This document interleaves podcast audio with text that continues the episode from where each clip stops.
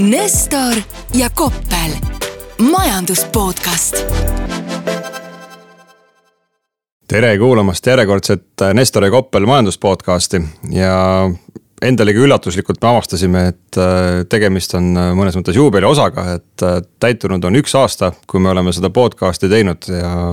aitäh kõigile, kes on võtnud vaevaks meid ikkagi kuulata, et endal on lõbus, aga loodan, et keegi, keegi teine ka seda asja nagu huvi tunneb selle vastu.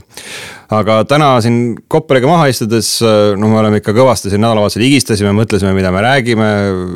teemasid on väga palju, et üritaks kuskilt otsast minema hakata, et äh, üleüldisest tänasest majanduskonjunktuurist maailmas ja jõudes siis lõpuks äh, selliste pisikeste Eesti numbriteni välja, mis inflatsiooni puhul vähemalt väga pisikesed polegi.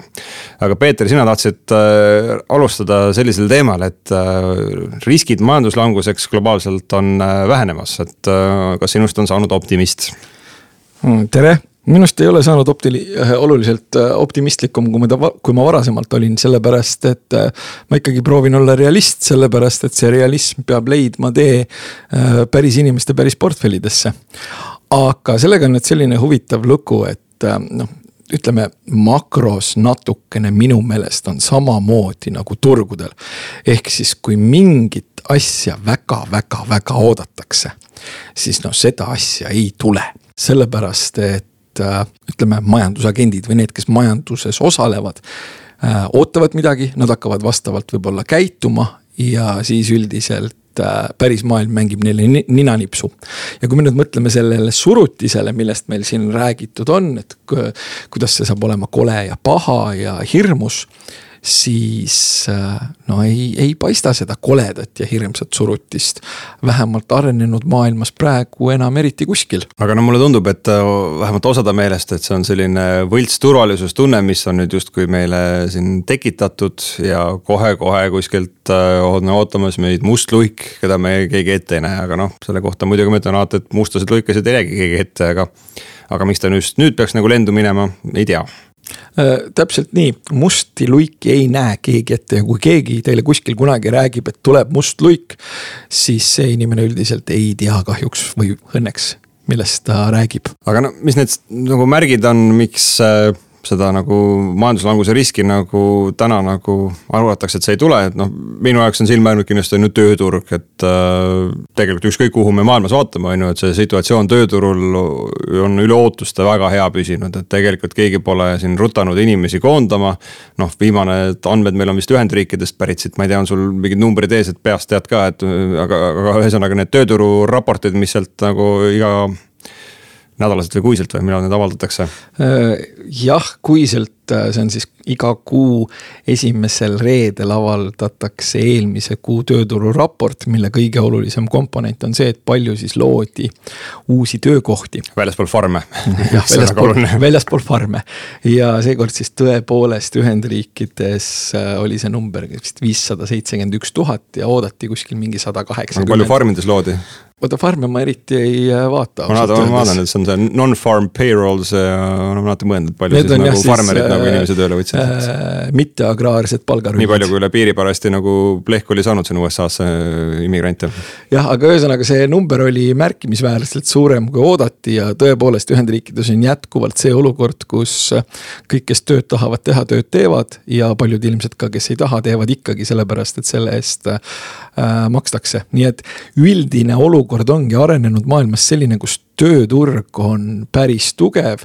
ja ta on ju päris tugev tegelikult ka Euroopa Liidus, et minu meelest Euroopa Liidus ei olegi, euroalal ei ole nii head tööhõive määra üldse olnudki ja nii madalat tööpuudust. no Eesti puhul täpselt samamoodi ja noh, kui ma Eestis olen üritanud nagu leida nagu seda ära põhjendada, et miks meil siis nagu tööhõive nii hea püsib, et, et siis minu jaoks nagu peamised nagu märksõnad on see, et eelmise aasta ikka vaatad majandusaasta aruanded, noh, mis pole veel küll koos, aga, aga põhimõtteliselt numbrid on olemas, on ju.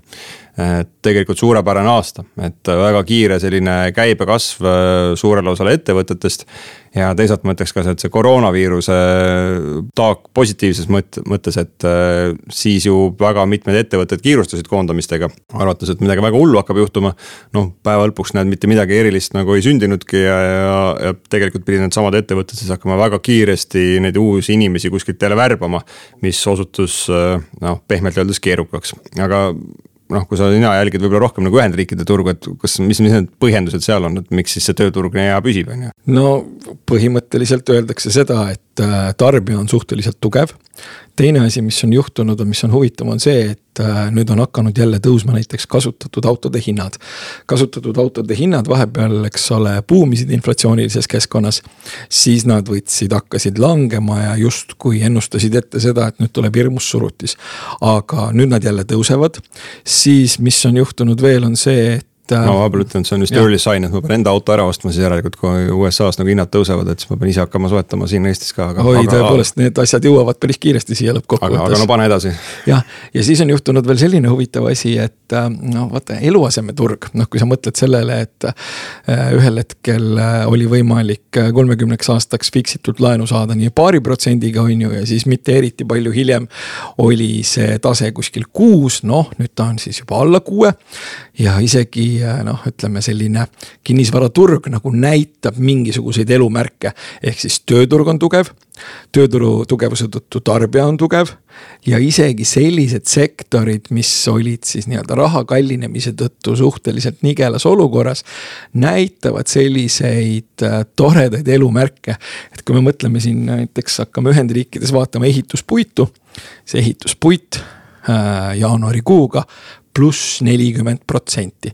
jah, loomulikult ta tuli varem nagu ka kõvasti alla, aga see jällegi, see ehituspuit, see on üks minu viimase aja selliseid äh, lemmikuid, sellepärast et see ja vask kipuvad nagu päris hästi ette ennustama seda, mis äh,, mida tsükkel teeb no Eesti puidutöösturid siis kuulake seda, et äh, kui Rootsi enam ei õnnestu nagu ehituspuitu müüa, et siis USA turg ootab teid. aga no tegelikult jah, nende positiivsete märkide raames äh, me siin kaks nädalat tagasi uuendasime oma majandusprognoosi SEB-s ja üllatus-üllatus, ka meie siis nagu tegime natukene positiivsemaks oma stsenaariumeid, et äh, näiteks euroala, kus me siis ennustasime selleks aastaks tegelikult äh, pisikest nagu majanduslangust äh, aasta kokkuvõttes.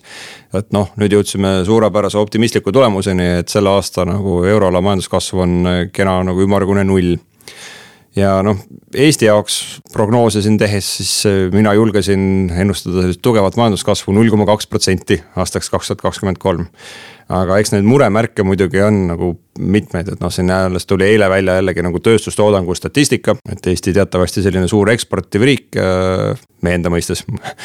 Ja on üksteist pool protsenti tööstustoodangu langust ja noh, kõigepealt paha oli see, et muidugi, et see oli päris laiapõhjaline, aga mis võib-olla veel halvem, et äh, eriti, eriti kehvasti läheb siis nendel suurtel sektoritel, kellel on tööhõive mõttes päris oluline panus, et siin nagu puidutööstus, mööblitööstus, ehitusmaterjalide tööstus et need sektorid, kes siis äh, sõltusid äh, ennekõike Põhjamaade kinnisvaraturust, kus meil teatavasti on, ütle mulle üks ilus sõna. Show on läbi. Show on läbi jah me oleme siin sellest nagu neil teemadel, see tööstuse probleemid ja Põhjamaade kinnisvaraturg nagu jahunud päris palju, aga noh, ta on täna nagu aktuaalne teema. aga mis sa arvad näiteks, mis me siis nagu Rootsile prognoosime selleks aastaks, et kui ma ütlesin, et euroala majandus on nagu nullkasvuga, et mis siis Rootsis võiks juhtuda? ma täiesti võtan õhust numbri, miinus kolm koma kaks. no ei ole, nii hull ei ole ikkagi Rootsi, et seal raha natuke jagub, aga noh, miinus üks koma kaks protsenti. üks kõige selliseid suuremaid majanduslangused, mis me minu meelest vist ennustasime ja see tuleb tõesti selle pealt, et see kinnisvaraturu nagu seis on seal pehmelt öeldes hapu, et praegu on ju kinnisvara hinnad langenud kuskil viisteist protsenti. prognoosime, et kokku see langus saab olema kuskil kakskümmend protsenti. ja, ja tegelikult noh, mis Eesti seda eksportööri eriti ärevaks võiks teha, on see ikkagi need äh, ehitusmahud, on ju, et inimesed on väga pessimistlikud, ei julge korterid osta, ehitajad selle peale lähevad veel pessimistlikumaks ja mul siin Rootsi kolleegid prognoosivad, et nende alustatud elamuehituse projektide arv, et äh, kui ta oli siin aastal kaks tuhat kakskümmend üks oli kuskil kuuskümmend seitse tuhat. Et see aasta see võiks kukkuda sinna kolmekümne, kolmekümne viie tuhande juurde ainult noh, see on nihuke viiskümmend prossa langust. ja noh, kui ma oleksin töötlev tööstuses, sihuke, töötaksin mingit mööblit sinna rootslastele või siis mingisugust äh, valmismajasid. ja Rootsi turg ikka nagu miinus viiskümmend protsenti kukub, et see paneb nagu kukalt kratsima ja mõtlema, et äh, kuhu edasi. no minul tekib siin kohe mm, kaks küsimust, et kui sa räägid niivõrd äh, suurest töötleva töö tööstuse nii-öelda langusest. siis esiteks, kuidas äh, see suhestub ajalooliste langustega. ja teine asi, kui sa räägid siin euroala majanduskasvust ja meie majanduskasvust ja pluss-miinus null sinna-tänna. siis äh, selle asja juures ilmselt nagu kõige olulisem või isegi veel olulisem kui see majanduskasvu number on see inflatsiooninumber.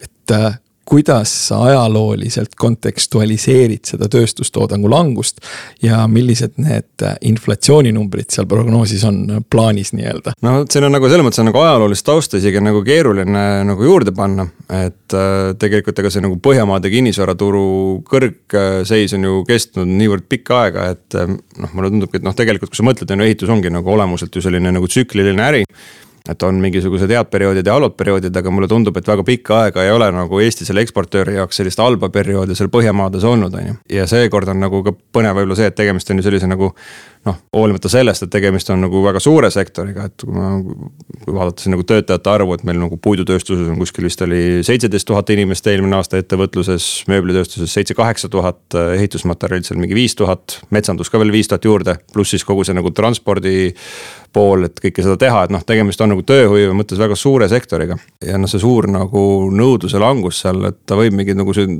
muutusi tööhõives ja, ja mõjutada ka seda tervikmajandust. aga noh, samas on, see on ju mingi spetsiifiline sektor siiski, mis siis, et ta suur on.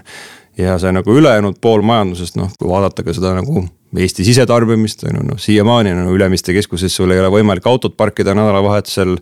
restoranis nädalavahetusel reede õhtul lauda tahad, siis äh, peab reageerima ikka kolmapäeval, mitte neljapäeval. jällegi noh, me oleme siin saates seda vist rääkinud varem, aga et minu panus on olnud sellele, et veame siin nagu ennast omaenda kõrvade peal nagu välja sellest nagu mudast aga jah, et äh, paratamatus on see, et kui me, kui me näeme positiivseid märke nagu maailma majanduses, siis äh, Rootsi kinnisvaraturg seal on sellises sügavas jääajas ilmselt ka veel nagu kaks tuhat kakskümmend neli jah, tõepoolest, et äh, noh, minule meeldib ostelda veebist, aga kui ma olen mööda äh, sõitnud äh, nendest kaubanduskeskuste parkimisplatsidest, siis sealt tõepoolest erilist majanduslangust hetkel ei paista. ja teine asi, noh loomulikult, kui nüüd halba nalja visata, siis noh inimesed kipuvad vist raamatupoodidest ostma kahekümne viie euro eest kohutavates kogustes eneseabiõpikuid. see on see, areng, see on sisemine areng. see võib-olla on kaks võimalust, kas see on sisemine areng või siis äh, kardetakse seda majanduslangust ja üritatakse hästi kiiresti areneda enne seda, kui see tuleb. muuseas, Eesti tarbijakindlus on viimastel kuudel nagu sügavast depressioonist jõudnud sinna mõõduka depressioonini, et äh, võib-olla on nagu need raamatud aidanud selle juures. see tarbijakindlus on selles mõttes jah, just suhteliselt huvitav, et noh, kui nüüd tõesti mõelda nendele kaubanduskeskuste parkimisplatsidele. ja sellele, kuidas ikkagi suhteliselt keeruline on äh, nii-öelda meelelahutusasutustesse mingisuguseid kohti reserveerida ja selleks, et täpitoitu süüa. siis no, no, no ei paista kuidagi seda indikatsiooni, et asjad halvasti oleks. aga see muidugi, et töötlev, töötlevas tööstuses nii äh, õnnetu seis on, see on selgelt noh, ka minu jaoks murettekitav märk. et kui majandusprognoosist juttu on, et siis äh, noh, kui ma juba nii-öelda natukene norisin, et mis see inflatsiooninumber seal on, seda ma tahan ikka teada. aga mis see tööpuuduse number seal plaanis on? tööpuudusele noh, isegi ennustasin äh, suhteliselt äh, julget tõusu siin võib-olla mõne teisega võrreldes, et seitse pool protsenti, et noh, praegu siin kolmandas kvartalis me olime alla kuue protsendi. selle poolest on tegemist päris korraliku hüppega aga, aga noh, minu panus ongi see, et see võib olla sellise üsna nagu lokaalse iseloomuga, et eh, noh, päriselt, kui sul nagu töötlevas tööstuses seal nagu mingites sektorites poole võrra nõudlus väheneb, et siis äh, ilmselgelt noh, see jõuab mingisuguste koondamisteni. ja mõeldes sellele, et kus see puidutööstus meil siin Eestis paikneb, et siis äh, seal Lõuna-Eesti metsade vahel võib nagu üsna rahulikuks jääda tööga ja ma ei tea, saab siis mingi eneseabilaagrit hakata korraldama selle asemel aga et mujal, mujal ma nagu ei näe jah, täna selliseid märke, et keegi siin plaaniks väga nagu koondama hakata, et äh, see eelmise aasta tulemused ja puhver on nagu piisav ja loodetakse ju, et läheb elu paremaks. ja tõepoolest, aga selle elu paremaks minemisega ongi see, et no jälle ma tulen oma selle lemmikteema, selle inflatsiooni juurde tagasi, et. Äh, siin on ju sihukene väikene mure võib-olla tekkimas, et noh sai mainitud seda Ühendriikide tööturgu, et luuakse rohkem äh, töökohti, kui arvati. noh, see muidugi jälle tekitab sellist kerget mm, survet palkade tõusuks. ja üleüldse see, et äh, tööhõive nii kõrge on, tekitab survet palkade tõusuks terves arenenud maailmas. ja siis me võtame, lisame siia võib-olla selle veel, et okei okay,, Hiinas veidikene jälle kasvu, veidikene jälle sellist majanduse avamist noh, toormete vastu huvi. meil on, eks ole, tööhõive kõrgel tasemel, palgainflatsiooni oht. Hiina nõudlus jällegi kasvab, siis on meil ju veel ka äh, nali naljaks, aga on olemas arenenud maailmas pandeemia ajal tekkinud säästud, sest inimesed ei saanud ju raha kulutada. ja see ju tähendab kõike seda, et äh, natukene majanduskasvu ja natukene sellist paremat tarbijausaldust ja meil on jälle inflatsioon kenasti kohal. ja see tähendab jällegi seda, et mingisugune unistus sellest, et äh, intressid võiksid hakata ühel hetkel langema, tuleb konkreetselt maha matta. ja, ja palun, palun mitte muretseda, meie SEB värske majandusprognoos adresseerib sul muret. me oleme teinud olulised muudatused ja prognoosime, et Euroopa Keskpanga peamine intressimäär ei ole mitte kolm protsenti nagu varasemalt, vaid kolm koma kakskümmend viis protsenti ja see lämmatab igasuguse surve inflatsiooniks ma julgen jääda veidikene skeptiliseks selle suhtes, et kas see intressitase nagu nii madalaks jääb, et noh, mina isiklikult, kui mul oleks eluasemelaen, kahjuks mul ei ole. ja kui oleks, siis see oleks ilmselt fikseeritud, sellepärast et fikseerimine oli mingisuguse hetkeni tase, tasuta. noh, takkajärgi tarkus on teatavasti alati päris, päris hea asi. aga kuna mul seda ei ole, siis äh, mina arvestaksin enda kulutustega küll seda, et, et Euribor võib neljani välja minna, lihtsalt igaks juhuks. no riskistsenaariumina kindlasti et äh, noh, siin eelmine nädal tuli minu meelest äh, Euroopa siis euroala nagu tarbijahinnaindeksi viimased numbrid ja noh, kaheksa pool protsenti oli siis aastane inflatsioon. Mis justkui oli nagu teel näiteks, et oleme alanemise teele, aga tunne on petlik, on ju, et see oli tingitud siis sellest, et energia oli muutunud natuke odavamaks, kuna me siin äh, palehigis nagu rabasime kogu LNG kogu maailmast kokku, ükskõik mis hinnaga panime sinna kuhugi mahutisse seisma ja siis nagu hirm läks ära ja hind läks natuke odavamaks, et noh. ja ilm oli soe, seda ja. ei tasu unustada, et ilm oli meil ikkagi nagu väga-väga suur abiline. no kõik räägivad jah, kõik, kes on Brüsselis käinud, ütlevad, seal pidi viisteist kraadi olema, et mina pole käinud, aga. Ausalt öeldes mina olen Brüsselis korra elus käinud, enam ei taha ka, olgu seal kasvõi seitseteist kraadi no vot, aga, aga teame tõesti, et on nagu niuksed soodsad tegurid selle taustal olnud, et äh, miks energia on natuke soodsam. seetõttu oli inflatsiooni näit natuke parem. aga kui siis jällegi äh, terava pilguga analüütikud vaatavad sinna sisse, võtavad maha äh, toiduainehinnad ja energia, mis on üldse inimeste jaoks täiesti ebaolulised komponendid. et see on täitsa mõttetu, et see tarbijahinnaindeksis on, sest et keegi ju ei söö ega ei ela nagu soojas korteris ja jõuad siis selle alusinflatsioonini, siis äh, see jäi täpselt samale tasemele, kui ta tuli detsembris, et viis koma kaks protsenti. mis siis äh, ennekõike peaks rääkima sellest, et majanduses endas, selles riigis on ikkagi mingi tugev hinnasurve, et ka kõik muud kaubad ja teenused kipuvad nagu oluliselt kallimaks minema ja see. muuseas, see viis koma kaks protsenti on siis äh, noh, ta oli küll detsembris sama aga ajalooliselt siis jah, varem pole olnud sellist, sellist inflatsioon, alusinflatsiooni näitu euroala riikides keskmiselt üldse. et on alati see näit olnud natuke madalam no nüüd me siis saame tasapisi, olles jõudnud sellisesse ilusasse kuusse nagu veebruar äh,. hakata rääkima tasapisi sellest, kuidas äh, siis selliste suurte analüüsivate institutsioonide ja, ja ka keskpankade arusaamad sellest, kuidas inflatsioon järele annab aastal kaks tuhat kakskümmend kolm, võib-olla olid veidikene ennatlikud no jaa, tagantjärgi tarkus, aga no mulle jälle täna tundub, et äh, tahetakse nagu jõle kõvasti seda trummi põristada, et äh, me oleme valmis minema intressimääradega kuhu tahes selleks, et inflatsioon peatada aga no pagan, turg ei taha nagu uskuda neid mitte kuidagi, on ju, et kui sa vaatad seda, et kus see, ka see Euribori tulevikutehingute graafik liigub, et siis noh, kõik arvavad, et jah, et meil ongi need äh, tippmised intressimäärad saabuvad siin kohe-kohe, on ju, et noh.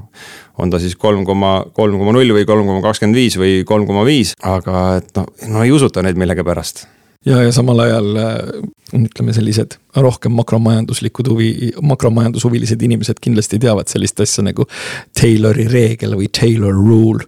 ja siis Taylori reegel ütleb samal ajal, et Euroopas peaks olema keskpanga suunav intressimäär, kui palju, mis sa arvad? no sa mõtles, mõeldes nagu tänastele nagu majandusnäitajatele no mingi viiekas või? üksteist. üksteist, oh jumal ehk siis meil on alusinflatsioon on äh, nii-öelda problemaatiline. siis see nii-öelda peamine inflatsioon, see võib-olla tõesti annab natukene järgi, aga me peame aru saama sellest, et veidikene majanduskasvu ja inflatsiooniga on jälle halvasti, sellepärast et nagu ma ütlesin, tööturg, toormenõudlus ja säästud, mida suunatakse tarbimisse. nii et see inflatsiooni probleem ilmselt jääb meiega veel väga tükiks ajaks ja me saame siin podcast'is sellest ka veel tükk aega rääkida. aga no kuskil see piir tuleb, et noh, see ei ole küll nüüd mingisugune euroala riik, aga mul lihtsalt sattus näppu, et Rootsi kolleegid olid siis arvutanud, et kui palju mõjutab Riksbanki intressitõusud siis Rootsi majapidamisi. ja kui juba praegu siis nagu noh, päris kõrgete intressimäärade keskkonnas võrreldes minevikuga Äh, kulutavad siis ainuüksi intressimaksetele majapidamised kaks ja pool protsenti oma nagu aastasest äh, sissetulekust, siis äh, see tõuseb tegelikult viie ja poole protsendini ja noh, kui, kui meil päriselt oleks siin nagu üksteist protsenti intressimäär, et noh, siis lõpuks maksadki kogu raha nagu intressi maksatakse ära, et. et noh, kuskilt see piir tuleb nagu vastu ja see euroala riikide on ju väga erinev taust, et kus on siis majapidamised võlgu ja kus on nagu valitsused ise võlgu see kuskilt maalt nagu tingib selle olukorra, kus tead, öeldakse, et hea küll, see inflatsioon, aga rohkem ei saa lihtsalt. no ma kujutan ette, et äh, see meie hetkediskussioon võib toita mingisuguseid selliseid natukene tõsisemaid vandenõuteoreetikuid, kes ütlevad, et nüüd keerataksegi intressid lakke ja inimestelt võetakse kõik käest ära. aga noh, teine see nagu teooria, mis ma olen kuulnud, mis sulle ka vist meeldib, on ikkagi see, et äh, ega noh, keskpangad teevad nagu karmi nägu, aga noh, päeva lõpuks kõik on nagu rõõmsad selle üle, et meil on äh, kiire inflatsioon, et siis äh, suured võlad vähenevad, seetõttu kahanevad riskid tulevikus selleks, et keegi enam ei usu sellesse, et neid suuri võlgu kunagi ära suudetakse maksta ja tuleb mingi uus majanduskrahh siis nagu nende võlakriisi näol. Jah, selles mõttes, et mul ei ole probleemi seda uskuda, sellepärast et selle kasuks räägib ajalooline kogemus ja noh, teine asi nagu mainitud sai, et kui meil on siin Taylori reegel ja kui meil on siin nagu ikkagi suhteliselt kõrge inflatsioonimäär, siis seda inflatsioonimäära arvestades ei ole need suunavad intressimäärad teps mitte kõrged ja reaalintressid on sügaval vee all ja ma olen suhteliselt äh, veendunud, et neid inimesi täiesti on, kes selliste veealuste reaalintresside peale rõõmutantsu tantsivad. nojah, sinul rahavalitsejana ilmselt nagu mõeldes oma klientide rahakotile ei ole nii rõõmus meel, aga kas ma siis nagu makroanalüütikuna võikski öelda, et suurepärane, et me oleme maandamas riske äh, tänu sellele, et meil on kiire inflatsioon, tänu sellele tuleb äh, tulevik helgem.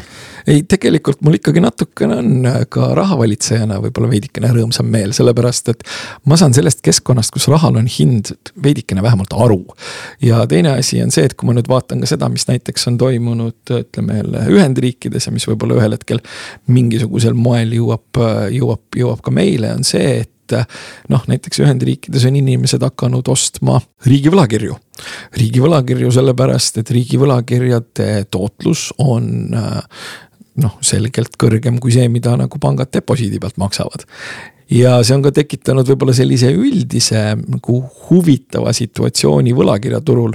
ehk siis noh, me oleme sellest ka veidikene rääkinud, aga see situatsioon läheb kogu aeg huvitavamaks. et näiteks dollari võlalt on juba võimalik teenida viis, kuus, võib-olla isegi natukene rohkem protsenti nagu tootlust. okei okay,, jaa, see jääb inflatsioonile alla, aga selle paneme nii-öelda hetkel joonealuseks märkeks. aga kui teenida viis, kuus, võib-olla natukene rohkem ja siis eeldada, et äh, keskpanga suunav intressimäär Äh, jõuab oma tippu kuskil aasta keskel ja see on võib-olla natukene üle viie. ja võib-olla ühel hetkel järgmisel aastal hakkab tasapisi allapoole tiksuma.